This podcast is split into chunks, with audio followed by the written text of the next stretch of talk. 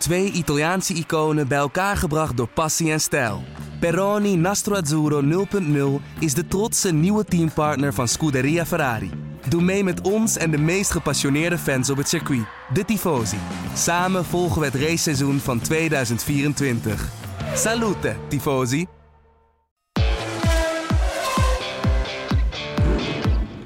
Dit is de Formule 1-podcast van De Telegraaf.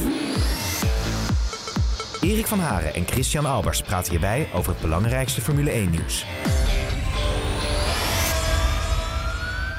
Tevreden over de leader, eh, Christian? Ja, ik vind het wel cool. Ja, we zitten weer tegenover elkaar. Tweede keer dit seizoen.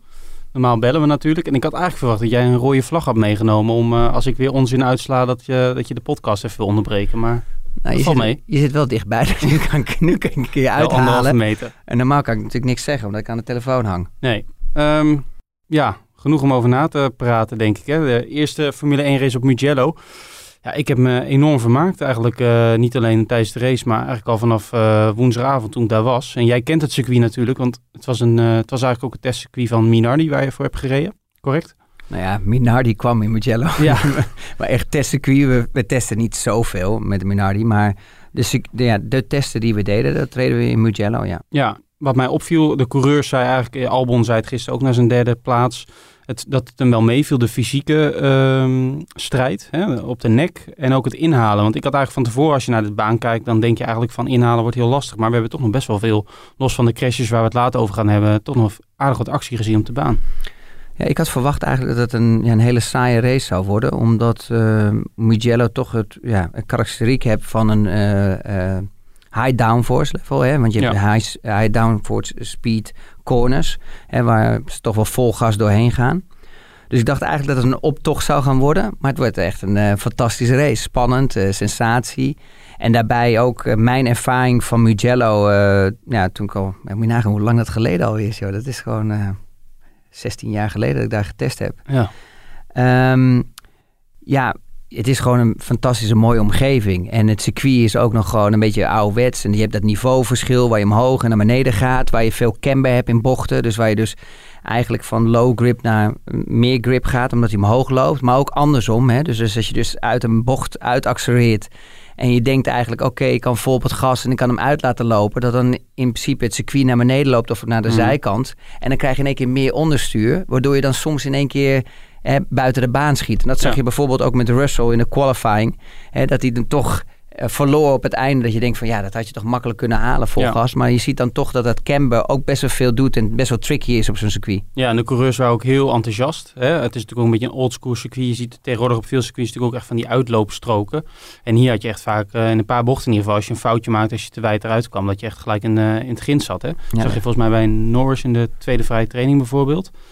En tijdens de race hebben we het ook al een paar keer gezien. Maar ehm, Dus je auto gelijk een stuk zwaarder. ja, maar dat is natuurlijk wel...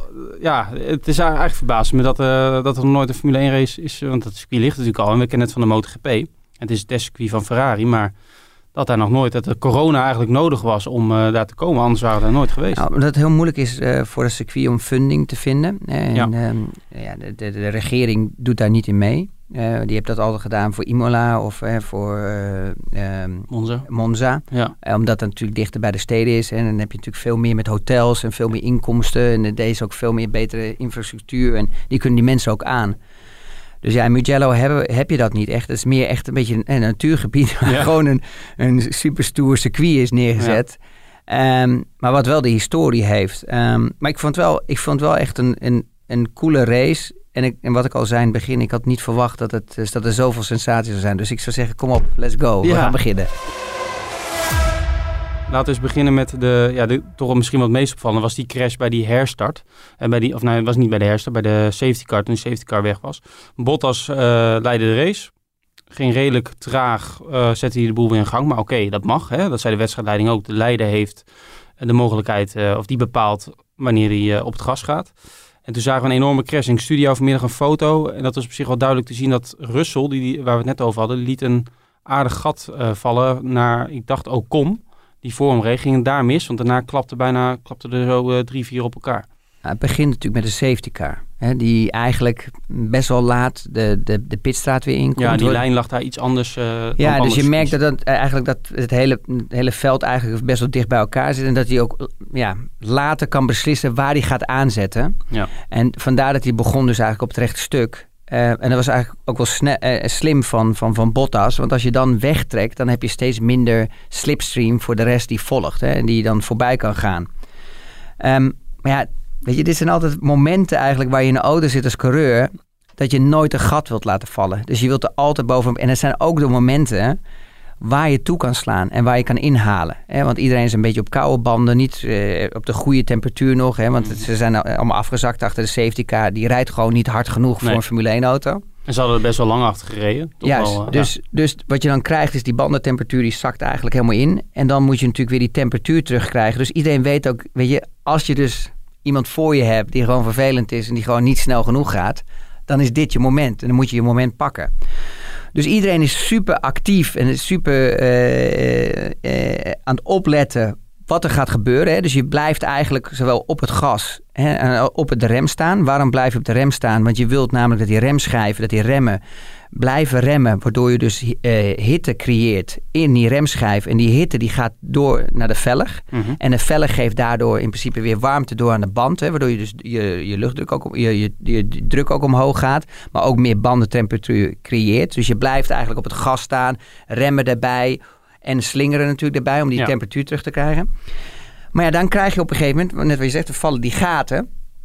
En dan heb je Bottas die vooraan rijdt. En die wacht natuurlijk eigenlijk, hè, die probeert zoveel mogelijk zijn banden op temperatuur te krijgen. En ook zo laat mogelijk op het gas te gaan voor die, die streep die na de startfinish eigenlijk eh, is. Dat is in Mugello anders. Ja. Maar dan krijg je het veld erachter. Maar de eerste en de tweede, die hebben best wel redelijk zicht. De derde, vierde, vijfde, het wordt allemaal steeds iets moeilijker. Want je zit natuurlijk heel laag in die auto. Mhm. Dus je kijkt eigenlijk als een Formule 1-coureur alleen maar tegen vleugels. Ja. Dus je ziet eigenlijk de auto voor de auto voor je, zie je al niet meer wat hij doet. Ja, en dan krijg je een moment waar Russell eigenlijk denkt van oké, ik heb die heeft een gat laten vallen. Hè, eh, die, die sluit niet aan. Maar die begint aan te zetten, want die denkt bij zichzelf, als elke coureur denkt, van ik neem even een aanloopje. Ja. Want dan als, ik, als we over, allemaal over de streep komen, dan betekent natuurlijk dat ik gewoon bij de eerste bocht eh, tenminste een paar voorbij kan gaan. Ja. Omdat ik natuurlijk een, een meer swing erbij heb. Ja. Maar dan op dat moment gaat Bottas nog meer vertragen. Waardoor hij aankomt en naar rechts duikt als het ware. Hè, bij Ocon in de buurt. En dan heb je eh, Magnussen die ook nog eens aanzet. Die moet ook vol in de hoefijzers. Ja, en dan krijg je op een gegeven moment Latifi. Hè, die komt ook nog eens een keer zes, vijfde, zesde versnelling eraan. Die denkt, ik neem ook een aanloopje. En die moet eigenlijk op het laatste moment uitwijken waar... hè, de- onze Italiaanse vriend met de Alfa- Giovinazzi. Ik Giovinazzi zal je helpen. Ja. met, de, met de Alfa Romeo, ja, die heeft gewoon, die heeft geen, gewoon geen kans meer. Want die, is- Nee. die heeft een veel hogere snelheid. Die heeft dan ook nog eens een keer te weinig downforce. Omdat alle auto's hè, eh, voor hem eigenlijk alle lucht weggehaald. Ja. Ja, en die klapt er vol bovenop. En, En, dan, dan krijg je, Sainz ook nog. en dan krijg je. Sainz ook nog. Die wordt dan meegehaald als het ware. Dus die kan er niks aan doen. Die gaat ook mee de muur in. Ja, en, en ja, dit zijn eigenlijk normale procedures met een, met een restart. En dan denkt iedereen van ja, maar dat is nou nooit gebeurd. Maar ja, het gebeurt wel eens. Want we hebben natuurlijk ook wel eens bij Spa gezien na de eerste ronde. En dat iedereen bij elkaar eh, in de regen op elkaar klapt. Maar was Russell dan, eh, Sven Snoek vroeg dat aan mij op Twitter, eh, vraag voor jou, was Russell dan de aanleiding van de crash of is dat dan te makkelijk? Nee, dat is veel te makkelijk. De aanleiding is eigenlijk dat, gewoon, dat je in een Formule 1 auto gewoon weinig ziet. Je ziet de auto voor je. Je hebt eigenlijk best wel vrij zicht. Maar de auto voor je haalt het zicht weg voor de andere auto's. Dus Ja. je ziet niet wat de auto daarvoor weer doet die, die, die voor je ligt. En, dat, en, dat, en, daar ja, en daar, daar heb je dus gewoon een, ja, een, een miscalculatie. Waar je dus dit soort ongelukken gaat eh, krijgen. En ik denk eerlijk gezegd dat de FIA nu wel erover nadenkt om, eh, om restarts. eh, ligt er natuurlijk ook aan wat voor circuit je hebt. Mhm. Om die restarts te veranderen. En ook eerder die safety car naar binnen te halen. Hè? Die uit te doen. En ook echt gewoon. Kijk, Bottas had ook al wat eerder kunnen verminderen qua snelheid. Maar je, hebt- je hebt ook te maken met bandentemperatuur. Ehm, als hij eerder was, eh, had vertraagd. Dan had hij al een gat. Dan had hij in principe in de laatste bocht had hij al kunnen aanzetten. En Ja. dan was dit nooit gebeurd. Maar Michael Masi, de wedstrijdleider, die zei, ehm, ja, ons valt niet zoveel te verwijten. Maar wat ik op- opvallend vond, kregen Omdat nog ze nog nooit in een auto hebben gezeten. Dat is het probleem altijd. Dus ik vraag me ook wel eens af wie bij de VIA ook had gezeten. Want En je kreeg ook twaalf coureurs, kregen een, eh, ik heb ze even niet voor me, maar twaalf coureurs, met name de, ook de getroffenen tussen aanhalingstekens, die kregen allemaal een waarschuwing s'avonds, om een uur of acht of zo, eh, ruim na de race eh, uiteraard, dat ze eh, inconsistent eh, gebruik hadden gemaakt van hun rem- en ehm, gaspedaal. Ja, maar Eh, dat is echt gewoon zo... Ik heb nog nooit zo'n nonsens in mijn leven. Dus ik weet niet wie, wie daar heeft gezeten. Ik geloof Mika Sato. Salo. Ja, Mika Salo. Ja, dan, dan denk ik bij mezelf, ja, waar gaat dit over? Ik bedoel, elke Formule 1-coureur weet natuurlijk dat met de opwarmprocedure achter de safety car... daar moet je gewoon vol op de rem staan. Je moet die temperatuur in die banden zien te krijgen weer of te houden. Dus je, je bent aan het accelereren, je bent aan het remmen, je blijft, je blijft erop staan. Dan moet, want anders heb je, ben je helemaal verloren, want dan heb je geen temperatuur en dan komt iedereen je voorbij. Dus ja, weet je, dit is typisch weer wat ik ook daarvoor zei ook, dat, ik vind dat de FIA bepa- bepaalde straffen oplegt. Wat, waar, ik- wel eens denk van ja, waar zijn de echte coureurs, weet je, die ook echt eh, gereden hebben? En je zou toch denken van Mika Salo, dat hij, dat hij weet waar hij over praat. Maar die Ja. zou ook moeten weten dat als je in een Formule 1 auto zit, zit je zo laag dat je de auto voor je, kijk je alleen maar tegen de achtervleugel aan. Ja. Ja, dus je hebt, je hebt totaal geen overzicht meer met een start. Als iemand stilstaat. Dat heb je al niet eens met een, met een stilstaande start. Als iemand stilstaat. Ja, ik kan me nog, ik kan me nog één keer herinneren dat ik eh, met Midland alleen maar drive shafts, hè, de, de aandrijfassen, weet je, als lucifers stokjes afbraken in het begin. Hè, dus daar konden we niet racen, omdat ze gewoon te licht waren gemaakt. hè, Mhm. van, en het, materiaal was niet sterk genoeg. Nou, dan zat je ook helemaal ingekropen als je niet wegkwam. Of iemand achterop nog reed. ja. Bang dat je nog, eh, dat iemand op dat je iemand reed. achterop Ja. omdat, je, omdat de eerste die kan op het laatste moment weg. Maar de, de tweede die erachter zit of de derde, die heeft geen Nee. tijd meer. Want die heeft nog hogere snelheid. En, de, en het reactievermogen is natuurlijk vertraagd. Doordat diegene ervoor natuurlijk op het laatste moment weggaat. Ja. ja, je zag het ook aan die onboards. Eh sommigen hadden echt geen schijn van kans. Ja. Het is altijd al, bij dit soort situaties, eh, lijkt er altijd wel een soort zoektocht te zijn naar iemand. Er moet iemand schuldig zijn. Maar Ja, soms, maar dat, dat is echt- kan natuurlijk niet. Ik vind echt absolute nonsens. Ik vind echt, echt, om heel eerlijk te zijn, idioot.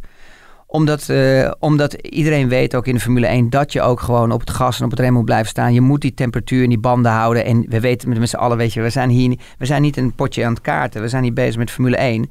Ja, en, Ja. en, en aan, aan het eind van het verhaal willen de fans ook gewoon races zien waar echt gevochten wordt en waar gestreden wordt. En eh, voor een coureur is het niet leuk als je vooraan meerijdt. Want je rijdt weg en op een gegeven moment als de safety car komt, komt het hele veld er weer bij. Dat is frustrerend.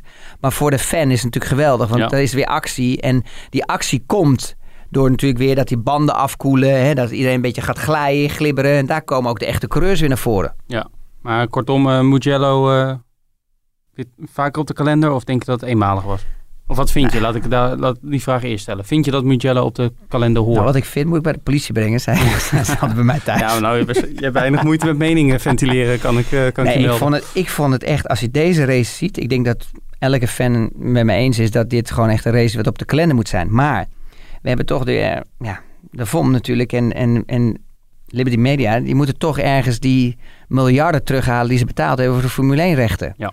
En Mugello is nou niet echt een circuit waar eh, die daar even ja, geld op tafel kan leggen om, om, om, om de Formule 1 circus naar toe te halen. Dus Ehm, ik had laatst met een vriend ook daarover. En die, en die zei, waar maken ze niet eens een pool? Weet je wel? Dat Mhm. gewoon een paar races... ehm, eh, zeg, maar, gra- zeg maar met een minder budget ook op de kalender komen. En, en dus misschien is het ook wel eens een mooie tijd met deze corona. Is natuurlijk, corona is verschrikkelijk, maar wel een leuke tijd.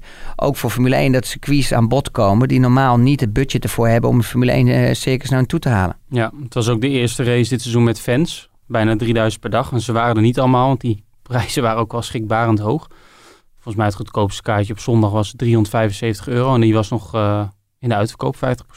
Maar ik zat in dat dorpje Scarperia op twee kilometer afstand of zo. Maar als je daar 50, 60.000 fans op een dag hebt, zoals in de MotoGP, dan is het echt een drama. Dan moet je echt om vijf uur je bed uit om op tijd te zijn, eh, zo'n Ja, beetje. hè? ja, die straatjes zijn super smal. Ja, dus nog, dan hebben we het wel eens over Zandvoort, maar eh, dit is nog echt wel een, eh, een Ik- stuk Ik erger. kan me nog herinneren, de eerste keer dat ik daar ging testen met, met Minardi in Mugello. Toen, nou, de weg daar naartoe al. Ja, Ik was stront en strommisselijk. Ik had gewoon echt gewoon op het circuit minimaal een half uur, drie kwartier nodig om gewoon bij te komen. Want ik was gewoon echt aan het overgeven. Omdat, omdat gewoon, ik zat daarnaast, ik race zelf niet. En op Mm. een gegeven moment ben ik maar halverwege heb ik eh, Ruben Manning, die toen eh, teammanager was bij, eh bij Minardi toen de tijd. En die kwam van Lola af. Zei, ja, kunnen we alsjeblieft eh, wisselen? Want eh, ik word echt stront en stront misselijk. Dus toen, toen ben ik gaan rijden. Maar nog, toen ik bij het circuit aankwam, was ik misselijk. Van al die kleine weggetjes Ja. naartoe. En het is ook niet het beste asfalt ter wereld. nee, terwijl het circuit wel super is Ja. geasfalteerd. En, en super strak, weinig bottoming. Dus bottoming betekent natuurlijk dat de vloer natuurlijk van de auto eh, de grond raakt. Dus voor de coureurs is het ook minder slecht voor hun rug en voor hun, hun hele lichaam. Ja, nou laten we bij deze aftikken dan. niet dat wij dat bepalen, maar wat ons betreft moet Jello weer terug op de kalender. We gaan door met eh, Max Verstappen. Want die, had iets, eh, die beleefde iets minder plezier aan eh Mugello. Hoewel, eigenlijk tot en met zaterdag was hij heel tevreden. Echt heel enthousiast. Ik denk, hij zei zelf op zaterdag... dit is eigenlijk het beste weekend tot dusver voor mij dit seizoen. Natuurlijk in Monza een week eerder ging alles mis wat er mis kon gaan. Ja, en dan be- dan begint eigenlijk die zondag. Die zondag was natuurlijk al een tijdje onderweg. Maar dan gaat hij weg voor de formatie. Of niet voor de formatieronde, nog op weg naar de grid. En toen begon hij al over die motor dat er iets mis was. Hè, met de Ja. anti-stalmodus. En daarna in de formatieronde weer. Eh kon natuurlijk nog wel starten, maar daar was eigenlijk ook alles mee gezegd. Eh, ik kreeg daar ook nog een vraag voor eh, van, Bart, van, van Bart van Kimmenade. Die zei, ja dat is een lastige vraag om te beantwoorden, maar waarom merkt zo iemand als Verstappen dan niet van de problemen tijdens alle trainingen en de, tijdens de kwalificatie, maar dan wel op zondag? Nee, ja, dat, is niet, dat heeft niks te maken met merken. Hij merkt het wel, want hij heeft het gezegd. Maar Nou, maar ik bedoel, probleem- waarom, heeft, waarom is de Honda motor dan, je hoort er tot en met zaterdag lijkt alles in orde en dan op zondag? Ja, maar er zitten zoveel sensors die al alles, eh, eh, de, de, echt de, de, ja, de beste tuning doen. Hè? Dus qua inspuit van benzine, temperatuur, ver- de temperatuur uit de uitlaat, al dat soort dingen. Dat speelt allemaal een rol. Er zit zoveel elektronica in. Mhm. Dat, ehm, ehm, ja, dat, dat gewoon pech in een klein hoekje zit. En het heeft gewoon echt, dit is elektronica. Of dit kan wel gewoon een- soms een hele stomme sensor zijn die hapert. Ze hadden het zelf over elektronica volgens mij. Ja, en dat hebben we ook gezien in eh, de eerste keer bij eh, de Red Bull Ring. Ja, Eh, daar had hij ook problemen. De eerste race was ook balen. En ja, het is gewoon verschrikkelijk balen. Maar dat is Formule 1. Dat, en daar hebben we het al vaak over gehad. Hè. We hebben dat ook gezien. Ja, waarom was Lewis Hamilton motor zo vaak kapot gegaan en die van Nico Rosberg niet? Mhm. Ja, dat weet je, dat is, dat is zo moeilijk ja, te zeggen. Dat, het zijn zoveel factoren die meespelen. Het is ook, ook geluk hebben. En, en, en sommigen hebben soms echt veel pech. Je ziet nu dat Max gewoon drie keer echt serieuze pech heeft gehad. En, en ja, maar is het dan nog pech? Als het drie keer gebeurt in negen races. Kijk, ik had even opgezocht de laatste uitvalbeurt van Lewis Hamilton. Oostenrijk 2018, hè?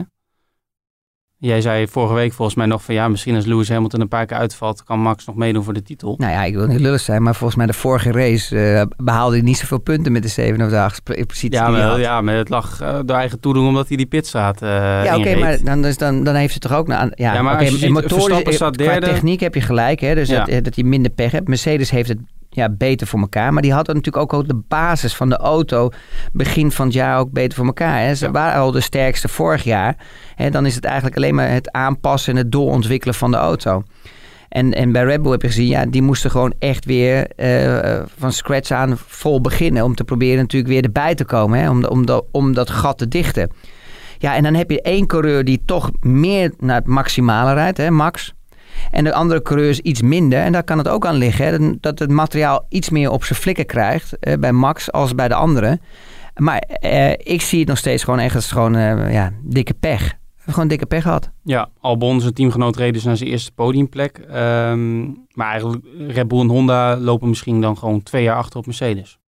Ben ik dan te kort door de bocht? nee, nee, dat vind ik dat je. Ik vind dat Honda wel gewoon goede motoren maakt. En ik vind ze ook eh, betrouwbaar. Want je ziet ook dat eh, Gasly natuurlijk eh, vorige weekend gewonnen heeft. Nou, hij heeft tenminste twee we- eh, in Monza. Hmm. Maar ook wel met een beetje geluk. Maar de motor houdt het wel uit. En de, en de motoren die, die doen het wel goed. Je ziet bij Albon ook. Ik bedoel, hij had ook snelheid op het rechtstuk. Wel met DRS, maar hij komt wel voorbij Ricciardo.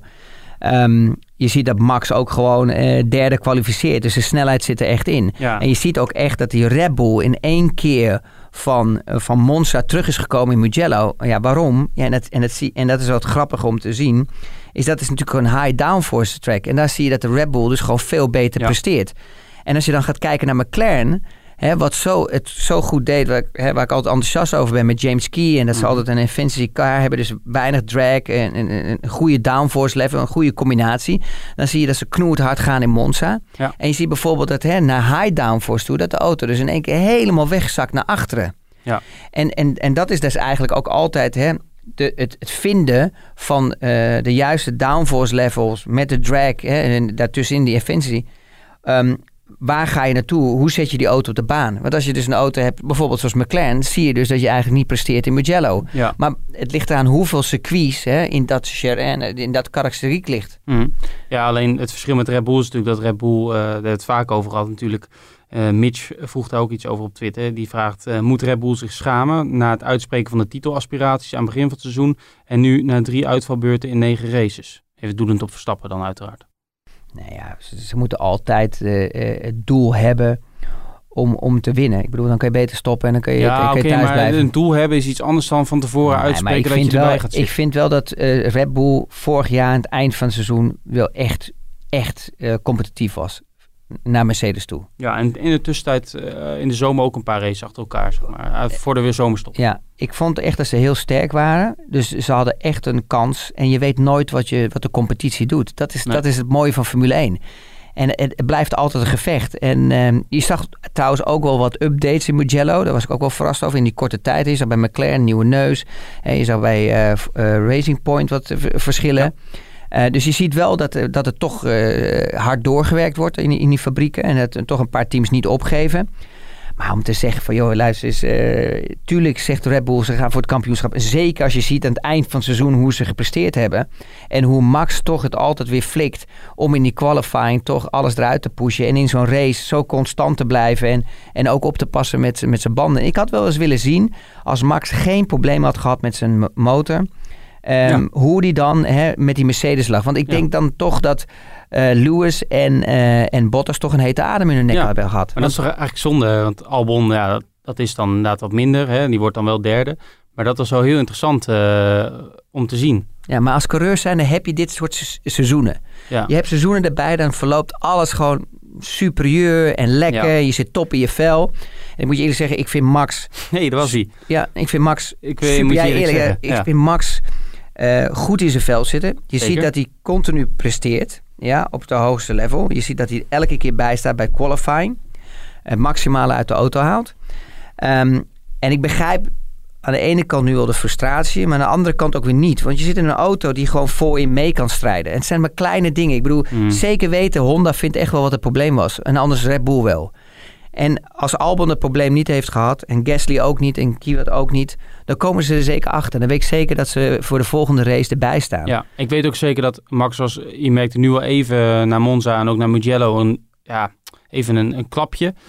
Ehm, dat hij heel gefrustreerd was. Dat merkte hij zeker in de auto. Ik vond hem eigenlijk best nog wel netjes reageren na afloop ook. En ik weet ook zeker, hij zei gisteren nog even na de race van... Ja, ik neem nu even een week, ben nu even klaar mee, neem even een weekje pauze. Maar ik weet zeker dat hij er over anderhalf week in Sochi gewoon weer staat. Dat, dat, hè, als je eenmaal in die auto zit, dan ben je eigenlijk alles weer vergeten, Ja, toch? En je vergeet ook, als je instapt ook, als je in de auto zit, al ligt de helft van je benen vanaf, dan voel je het nog niet. Nee. Want zoveel adrenaline heb je en zo'n gevecht wil je. Je wilt altijd de snelste zijn, je wilt altijd de beste rondetijd Ja. rijden. En zeker met, die, met de tijden van nu. Weet je, je krijgt alles door je, je stuur, je dashboard, weet je wel, hoeveel tienden je goed maakt. En, en, dus je bent eigenlijk altijd aan het racen tegen Mm. jezelf. En dat is wel echt cool. Ja. En dat weten eigenlijk heel veel mensen niet. Maar je bent altijd aan het racen voor jezelf. Want je ziet altijd de, rond, de beste rondetijd die je hebt. Zie je in je dashboard staan. Dus je ziet altijd plus of minus. Hè. Ja. Als je ronde snel is, dan, dan heb je natuurlijk, dan win je tijd. En dat is, dat is wel het mooie ervan. En, en dat, dat is bij een coureur altijd. Als je eenmaal instapt, dan, dan ben je nergens meer mee bezig dan alleen maar de snelste te zijn. Nee. Maar het moet ook, kijk, heel veel mensen zijn emotioneel. Hè? Die die zijn allemaal eh, in Nederland zeker, maar ook internationaal heel veel Verstappen-fans. En die eh, zitten dan nu alweer, eh, of nee, eh, je hoort veel geroeptoeten langs de zijlijn van ja, Max moet weg. Maar dan denk ik, ik heb dat ook nu geschreven in de krant, van ja, dat is allemaal makkelijk praten, maar hij zit bij het ene beste team. Ja. En bij het beste team is geen stoeltje beschikbaar, dus En eh, dan was hij kan niks. En Hij al zit was hij vast. beschikbaar, dan had ik nu al kunnen verklappen dat Lewis Hamilton er no- nooit mee akkoord gaat dat eh, Max Verstappen naast hem om rijden. Nee, Dus dus ja, heeft overigens nog niet bijgetekend. Ik verwacht wel dat dat gaat gebeuren. Bottas heeft al wel bijgetekend. Dus eigenlijk moet Verstappen, of moet... eh ik heeft toch steeds eh, de mooiste baan ter wereld zo'n beetje. Alleen hij moet gewoon eh, wachten, misschien wel tot 2022. En dan begint alles wellicht weer opnieuw met de nieuwe regels. Ja, ik moet je eerlijk zeggen dat hij de beste, en ik zeg het eerlijk weer, de beste keuze heeft gemaakt met Red Bull. Oké. Omdat het een team is wat blijft knokken en vechten. En je ziet, ze hadden het al eigenlijk veel eerder kunnen opgeven. En je ziet toch elk jaar dat ze Hoe bedoel toch- je opgeven? nou, opgeven, qua, weet je, wel, weet je, hun hoofd laten hangen. Hè. Maar je zag bijvoorbeeld vorig jaar ook dat ze toch continu met die updates kwamen. Je, Ze, ze geven niet gauw op. Het is wel echt een vechtteam. En dat zie je ook met die pitstops. Ze blijven knokken, ze blijven vechten. Ze willen de beste zijn. Dus ik denk persoonlijk dat hij echt daar bij de ple- beste plek zit. En er is geen andere optie. Waar wil je naartoe? Heb je gezien hoe groot het gat is van Red Bull naar de rest? Ja. Nee, maar daarom, daar, ik ben het helemaal met je eens. Alleen, ik snap wel dat mensen zeggen, ja, als die Mercedes-auto zo dominant is, dan wil je daar de beste coureurs in hebben. Maar zo zit de wereld, zeker de Formule 1, niet in elkaar. Maar het kan heel snel veranderen. En, en dat hebben we gezien ook in, in het verleden. Dat zie je ook met Ferrari. Kijk eens, Ferrari reed vooraan. Oké, eh, we kunnen een discussie hebben over illegaal, legaal gereden. Mhm. Maar het was vorig jaar toch al een stoer seizoen. Hè? Met het vechten met Ferrari, Red Bull en Mercedes. En, en op een gegeven moment dachten we op een gegeven moment van... Nou, Ferrari gaat vandoor met de titel. En Ja. ze gingen op een gegeven moment zo hard. Dus het kan ook zo zijn dat als James Allison weggaat... dat in één keer alles in elkaar Mercedes, valt. Of ja. misschien degene die alles onder James Allison... weet je, de, de, de, de motivator is in zo'n team... en die, die blijft knokken. Dat ook in één keer alles in elkaar valt. Dus ja, het enige wat ik aan kan raden bijvoorbeeld is bij Ferrari. Ze moeten daar gewoon goede mensen weer aantrekken. Of nieuw talent weer opleiden. Dat ze gewoon over een paar jaar weer de sterkste zijn. Ja. De benadering richting Honda naar buitenuit is natuurlijk heel anders dan de laatste jaren met Renault, de motorleverancier. Daar was dus echt een soort vechtscheiding werd dat. Honda heeft natuurlijk ook nog maar een contract tot en met 2021 en ze willen natuurlijk heel graag dat ze met elkaar doorgaan. In ieder geval Red Bull wil heel graag dat Honda doorgaat, want anders eh, weet ik niet waar ze terechtkomen. Maar het was een compleet andere situatie, Erik. Je moet zeg maar zo zien dat Renault meerdere motoren leverde aan meerdere teams op de grid. Dat je een Renault fabrieksteam hebt Fabrieksteam, met eh Pieter Boel. Ja. wat ook niet eh, eh, de meest succesvolle is. Ja, en daar, daar, is, ja, maar daar staat toch een concurrent. Kijk, Red Bull ziet dat. Hè? Die, die voelt dat. Eh, eh, Helmut Marko, eh, Christian Horner, die zijn aan het kijken in die paddock. Wat is uh, aan het doen?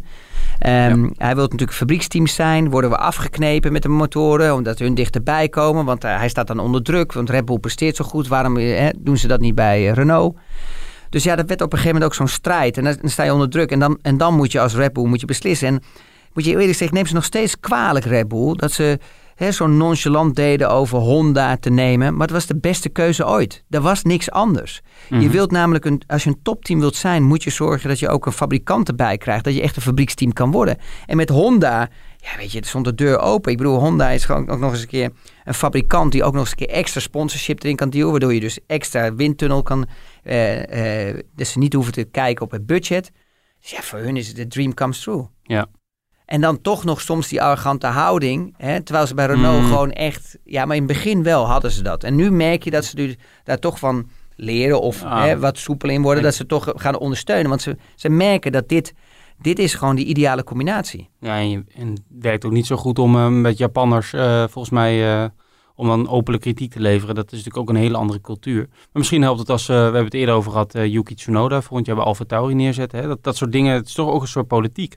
Je zit Ja, ook met nou, dus Albon, eh, met de maar Thais, dus, van Thaise marketing eigenaar. is leuk, weet je wel. Ja. Je, je- je wilt toch dat die, Japanners willen toch iemand hebben, weet je Ja. wel, die, die, die een praatje kan. Ik, ik zie nog niet snel Max of Albon in Japan even een gezellig praatje doen.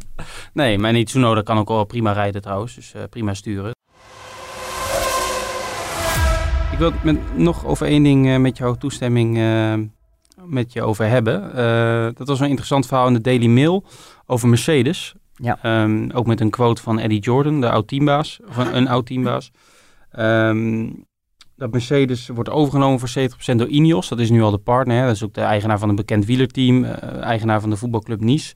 Nou, dat verhaal werd heel stellig ontkend door Mercedes en door teambaas Toto Wolff. Maar je merkt aan alles dat daar toch achter de schermen, we hebben- ja, dat daar van alles staat te gebeuren. Hè? En jij hebt ook zelf je contacten nog wel in die, eh, in die wereld. Dus vertel maar hoe het zit. We hebben het al eh, volgens mij een paar maanden geleden ook over gehad. eh, ja, maar niet eh, in de podcast. Nee, dat klopt. Maar kijk, het is geen geheim dat Mercedes probeert eh, het Formule 1-team te wat Ja. minderen. Omdat natuurlijk ook gewoon door alles wat in de economie gebeurt, natuurlijk daar best wel veel druk op Ja, staat. een team, even voor de duidelijkheid. Het team is eh, in handen van eh, Daimler. Hè? De, Ja, Daimler. De, voor 60%.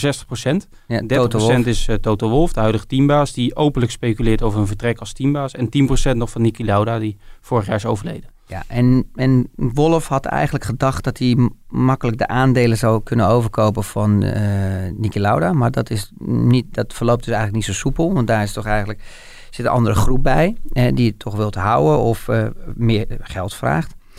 En Mercedes wil eigenlijk wat gaan minderen.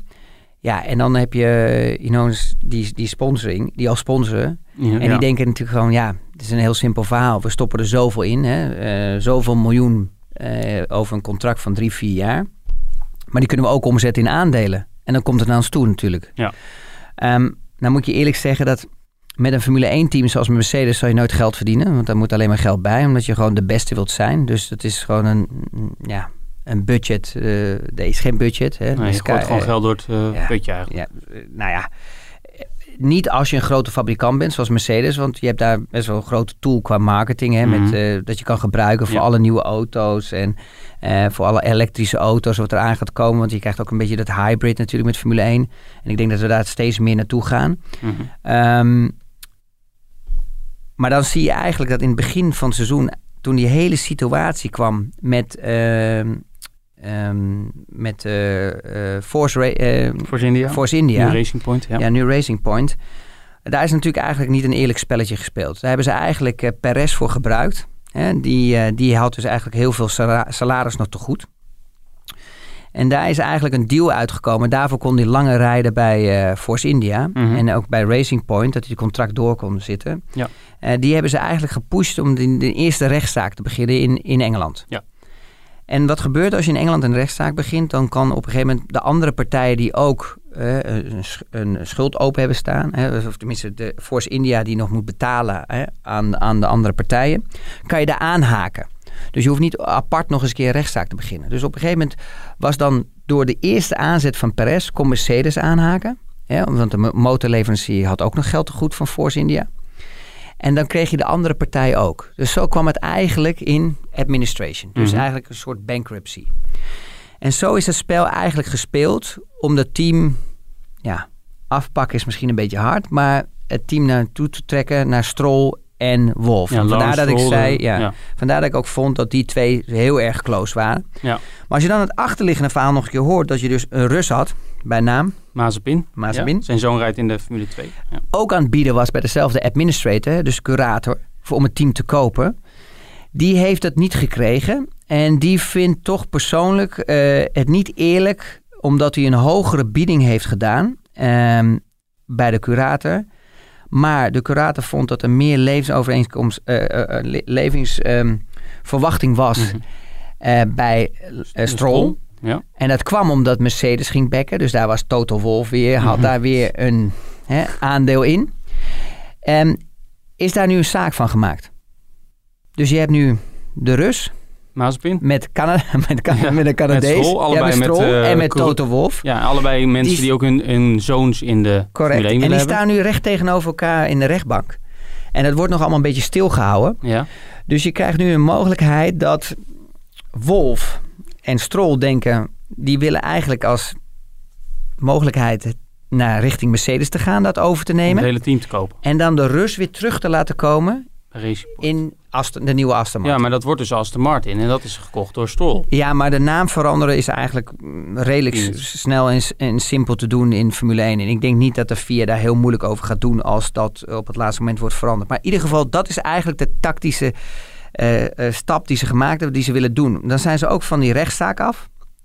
En ehm, dan kunnen ze eigenlijk in principe oversteken. Maar het probleem is dat Mercedes, nou niet helemaal, Kalenius is niet helemaal eh, op De de hand van eh, ja. Toto, wat wel Ja. vaak eh, gezegd wordt. Maar ik geloof dat hij toch een, een andere visie heeft.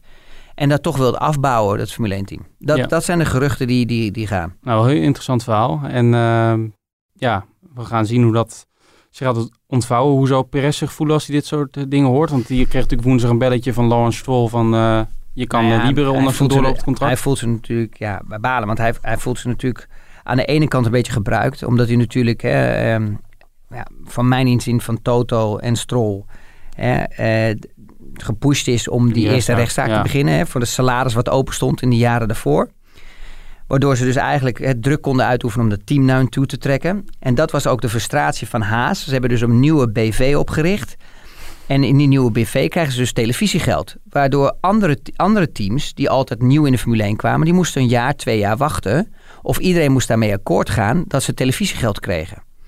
En dat is de frustratie aan de Haaskant natuurlijk. Dat ze gelijk mee kunnen rijden voor het puntengeld, hè, voor het televisiegeld, wat Ja. niet eerlijk is. Ehm, maar aan de andere kant heeft hij ook te danken dat hij daardoor zijn contract ten eerste werd hij uitbetaald. Hè, zijn salaris wat nog open stond. En ten, ja, ten tweede kon hij daardoor ook nog langer rijden. Mhm. Maar ik hoorde ook een kenner zeggen dat hij af was gekocht voor tussen de 15 en 20 miljoen. Maar die moet dan nog, nog eens een keer beter inlezen. Geen kennen. Want eh, dat is echt absoluut dan geen kennen. Want als je 15 en 20 miljoen een afkoopsom krijgt, dat is gewoon eh 20 tot eh 25 procent van het budget van eh, Racing Point op dit moment. Ja, en gisteren kwam overigens naar buiten dat, dat nieuwe teams, mocht er een nieuw team willen komen in de Formule 1, dat die volgens het nieuwe Concorde Agreement, dat die 200 miljoen dollar moet betalen. Dus eh, aan alle teams een, een percentage daarvan. Ja. Eh, om, eh, dus, maar dat sluit dan eigenlijk perfect aan bij wat jij net vertelt over die tv-deal. Ja, correct. Ja, nou, dat hebben we dan weer mooi, eh, dat bruggetje Nou, hebben wat ook nog gemaakt. belangrijk is, wat ik ook nog even zeggen, wat heel belangrijk is, is... Ik hoorde ook dat Michael Schumacher moest stoppen bij Ferrari. maar dat is absoluut een in nonsens. 2006. Ja. Ja. maar dat is echt absoluut een, nonsens, een, non- een nonsens. Want Michael Schumacher had echt alle... Die had gewoon een blanco check. Die mocht alles doen bij Ferrari wat hij wou. Eh, qua marketing tool...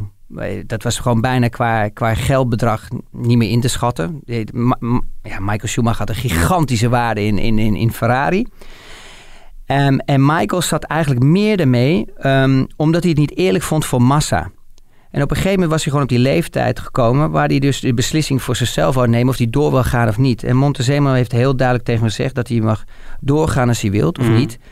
En Michael heeft gekozen op dat moment gewoon om te stoppen met racen. Ja. En er was, was absoluut geen druk van Ferrari, want Ferrari wou hem nog langer houden. Maar het was Omdat niet zo- Michael, Michael he- is, is, is, Michael Schumacher is de Michael Jordan, was dat van de Formule 1 met Ja. Ferrari. Maar het was ook niet zo dat hij dat jaar slecht presteerde. Hè? Helemaal niet. Hij- maar hij- zijn vertrek bekend in Monza na een overwinning, maar hij deed hij was, de laatste dag mee om de was titel. nog gewoon, hij deed gewoon nog steeds mee om de titel. Ja. En, hij was, en Barrichello had gewoon no, no, no chance. Nee. Dus eh, eh, het, het ging er eigenlijk eh, om ehm, dat eh, eh, hij wou Massa ook een, een keer een kans geven. En die, en die waren aan het wachten. En, en, Hmm. en, en, ja, en Rijkonen was getekend, maar dat wou niet zeggen dat Michael moest opstappen. Ja, laatste ding over Schumacher gesproken. Mick Schumacher, zijn zoon, nu leider in het Formule 2 klassement. Die reed nog even, Trouwens, Massa reed naast Michael volgens mij. behalve. Ja. Wij gaan verder. uh, kan de luisteraar opzoeken. ja, Ehm, misschien betrappen ze mij weer ja, fout. ja. Dat is ook wel een keer fijn. nou, dan zien we dat wel terug in de comments. Eh, trouwens, eh, we vinden het altijd heel leuk als mensen reageren en eh, recensies achterlaten. Maar Ja. dat tezijde. Mick Schumacher reed nog, wat ik wilde zeggen, reed een demo in die, in die Ferrari uit 2004. Ja. De laatste wereldtitelauto van zijn vader. En ik zat me even te denken, heb jij nooit last van je oren gehad uit die tijd? Want als je dat toch vergelijkt met de motoren van nu, hè, die V10 van destijds. Wat een enorm geluid komt eruit. Geweldig om te horen, maar ik weet niet of dat heel gezond was destijds. Nou, het maffe ervan is dat je natuurlijk in die auto zit. ehm, en al het geluid is eigenlijk achter je. Dus wij hebben natuurlijk van die oordopjes Ja. in, waar de microfoon in zit gemaakt. Vroeger hadden we dat in schuim. Mhm. Nu tegenwoordig worden ze met een soort siliconen kit, Ja. wordt een mal gemaakt voor je en daar wordt het ingemaakt. Bij mij werkte die siliconen, siliconen mal niet zo goed, want die kwam soms wel eens los. Maar op het einde van die mal maakten ze wel een stukje schuim toen. Op een gegeven moment die, die werden steeds beter. Ja, en dat is eigenlijk net alsof dat je gewoon je oor dicht hebt. En maar, maar het geluid blaast naar achteren. Dus je hebt eigenlijk als, en dan krijg je ook nog eens je helm eh, Ja. heb je op. Het houdt veel tegen. En eh, ja, er zit zoveel foam in natuurlijk voor bescherming van de helm. Dus wij- ik heb daar eigenlijk geen last van. Oké, duidelijk verhaal. Ehm, laten we over twee weken naar de volgende Grand Prix in Rusland weer een podcast opnemen. Wat mij betreft wordt waarschijnlijk wel een dagje later, op dinsdag. Want ik kom dan pas terug uit Rusland. Tenminste, als eh, al mijn vluchten blijven staan. Dus ook Ja, maar nee, met. Felipe Massa, dat was het. Oké, oh, dat heb je net even doorgekregen. Nee, nee, omdat, nee, nee, nee, maar ik, ik weet nog wel, dat, hij- maar dat, het klopte precies wat ik zei, is hij vond het niet eerlijk voor Felipe Massa. Dat heeft hij ook eerlijk gezegd, want Felipe Massa zat gewoon in een rol waar hij moest wachten wat de, ehm, wat de beslissing zou zijn van Michael Schumacher. Oké, nou dan hebben we dat gelijk... Ja, ik eh, zeg dat omdat ik gewoon vind dat Michael Schumacher nog steeds legendarisch is. En, ehm, en hij verdient dat niet. Omdat Michael gewoon echt gewoon een superster was. En Michael heeft gewoon zelf besloten te stoppen. En hij had gewoon een blanco check van Ferrari om door te gaan. Maar hij vond het de beste tijd. Ja, Barrichello reed natuurlijk bij Honda toen. Dat was natuurlijk... eh, Ja, eh, die heeft jouw stoeltje daarom, afgepakt. Ongelooflijk. Wat, nou, het hele, alles komt weer rond eh, vandaag. Ja. Eh, komt weer samen. Ehm, ja, tot over twee weken zou ik zeggen. Misschien een dagje later, misschien ook niet. Als ik veilig terugkom uit Rusland en anders misschien helemaal nooit Als je meer. Maar terugkomt. eh, ja, misschien was dit wel de laatste Ik podcast. hoor altijd dat ze hele mooie vrouwen daar hebben, Erik. Dat klopt, ja. Maar je hebt een vriendin, hè? Eh, dat klopt ook. Luistert zij de post- eh, podcast? of Nou, meestal spoelt ze door en dan hoort ze dat jij alleen maar aan het woord bent. Dus eh, ik, hoor, ik, ik, ik hoorde iets anders. Ik hoorde, ik Ik hoorde hoorde die mensen zeggen die zeiden elke keer... je moet Christus een keer laten praten. Het is tijd om af te ronden, hoor ik. Bedankt voor het luisteren en tot de volgende keer. Hé, hey, dankjewel.